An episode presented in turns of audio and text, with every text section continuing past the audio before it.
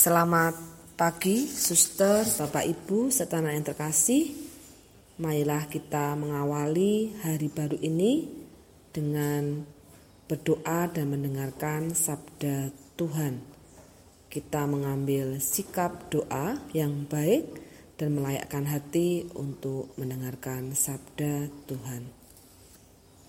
Dalam nama Bapa dan Putra dan Roh Kudus. Amin. Puji syukur kami aturkan kepadamu, ya Bapa yang Maha Pengasih, atas anugerah hari dan hidup baru untuk kami nikmati. Semoga kami selalu melakukan kehendak dan rencanamu untuk melakukan segala yang baik dan apa pun yang akan kami lakukan pada hari ini menjadi persembahan terbaik bagimu. Amin. Bersabdalah ya Tuhan, hambamu mendengarkan. Inilah Injil Yesus Kristus menurut Santo Lukas. Dimuliakanlah Tuhan. Pada suatu ketika berkatalah Yesus kepada murid-muridnya, "Camkanlah ini baik-baik.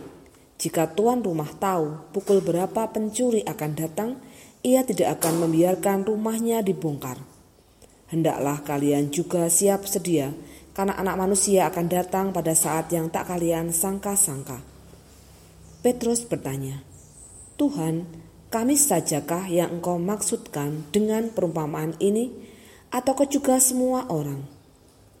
Tuhan menjawab, Siapakah pengurus rumah yang setia dan bijaksana yang akan diangkat oleh tuannya menjadi kepala atas semua hambanya untuk membagikan makanan kepada mereka pada waktunya?' Berbahagialah hamba yang didapati tuannya sedang melakukan tugasnya ketika tuan itu datang. Aku berkata kepadamu, sungguh tuan itu akan mengangkat dia menjadi pengawas segala miliknya. Tetapi jika hamba itu jahat dan berkata dalam hatinya, Tuanku tidak datang-datang, lalu ia mulai memukuli hamba-hamba lain pria maupun wanita, dan makan minum serta mabuk, maka tuannya akan datang pada hari yang tidak disangka-sangkanya, dan pada saat yang tidak diketahuinya, dan tuan itu akan membunuh dia serta membuat dia senasib dengan orang-orang yang tidak setia. Hamba yang tahu akan kehendak tuannya tetapi tidak mengadakan persiapan atau tidak melakukan apa yang dikehendaki tuannya, ia akan menerima banyak pukulan. Tetapi barang siapa tidak tahu akan kehendak tuannya dan melakukan apa yang harus mendatangkan pukulan, ia akan menerima sedikit pukulan. Barang siapa diberi banyak, banyak pula yang dituntut daripadanya dan barang siapa dipercaya banyak, lebih banyak lagi yang dituntut daripadanya. Demikianlah Injil Tuhan. Terpujilah Kristus. Suster, Bapak, Ibu, serta anak-anak yang terkasih, Tuhan mengingatkan kita untuk selalu siap sedia. Hendaklah kalian juga siap sedia karena anak manusia akan datang pada saat yang tidak kalian sangka-sangka. Ada ungkapan Harry S. Historia Crastinum Mysterium yang artinya kemarin adalah sejarah, masa depan adalah misteri. Apa pun pengalaman hidup yang kita alami dan rasakan, itu semua karena kehendak Tuhan. Untuk dapat menemukan kehendak Tuhan bukanlah perkara mudah. Hidup kita di hadapan Tuhan terkadang seperti seorang hamba terhadap tuannya yang menjalankan tugas sebaik mungkin. Dengan demikian, dia bebas dari hukuman dan hidupnya akan selamat.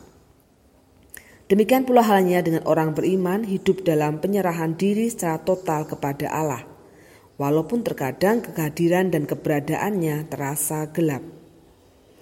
Penyerahan diri kepada Allah bukan merupakan tindakan pasif dalam arti diam dan tidak berbuat apa-apa.